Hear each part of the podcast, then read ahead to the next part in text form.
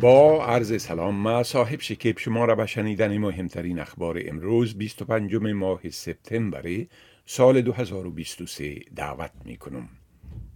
مارک بطلر وزیر صحت و مراقبت از بزرگسالان می گوید که صدای بومیان در پارلمان می تواند پیامدهای صحی برای مردم ملل اولی را بهبود بخشد.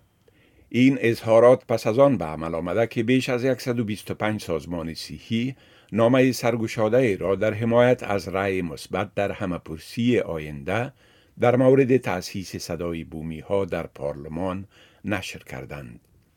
یک نظرسنجی جدید در روزنامه استرالیا نشان می دهد که حمایت از صدای بومی ها در پارلمان به پایین ترین حد خود رسیده است.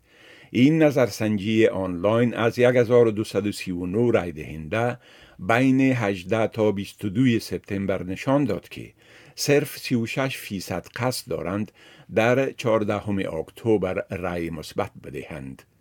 نیو ساوت ویلز همانند ایالات دیگر استرالیا از فروش ویب ها یا سگرت های الکترونیکی غیر قانونی جلوگیری خواهد کرد. حکومت ایالتی در مجموع 6.8 میلیون دلار را در طول سه سال برای این کار فراهم خواهد کرد که بیشتر آن صرف تقویت قوانین و مقررات و 2.5 میلیون دلار دیگر صرف خدمات برای کمک به جوانان برای ترک سیگرت خواهد شد.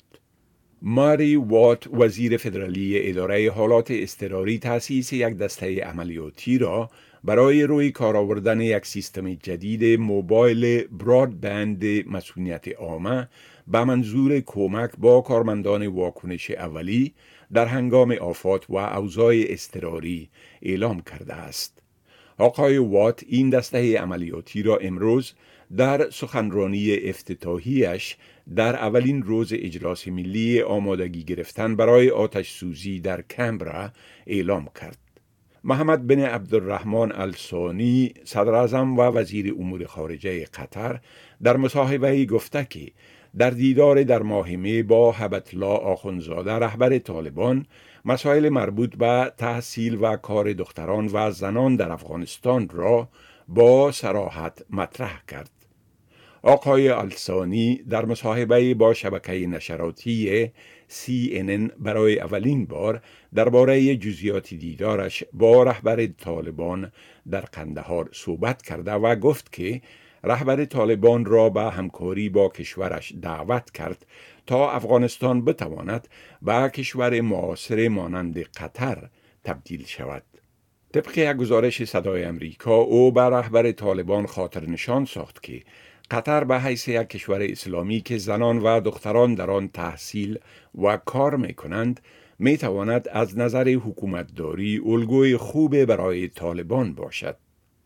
حکومت طالبان مدعی است که چند نماینده حزب راست افراطی آزادی اتریش در دیدارشان با وزیر خارجه طالبان در کابل به خاطر اینکه رژیم طالبان تا به حال به رسمیت شناخته نشده ابراز تأسف کردند. طبق یک گزارش بی بی سی، زیا احمد تکل معاون سخنگوی وزارت خارجه طالبان در رسانه اجتماعی اکس گفته است که اعضای این حزب راست افراطی مشهور به موضعگیری های ضد مهاجرین و مسلمانان در اروپا وضعیت افغانستان را بسیار بهتر از آنچه قبل از ورودشان از مطبوعات شنیده بودند توصیف و ابراز تأسف کردند که با وجود اینکه حکومت کنونی افغانستان امنیت جهانی را تأمین کرده و به مشکلات چهار دهه در افغانستان پایان داده هنوز به رسمیت شناخته نشده است. نمایندگان حزب آزادی اتریش تا کنون در این مورد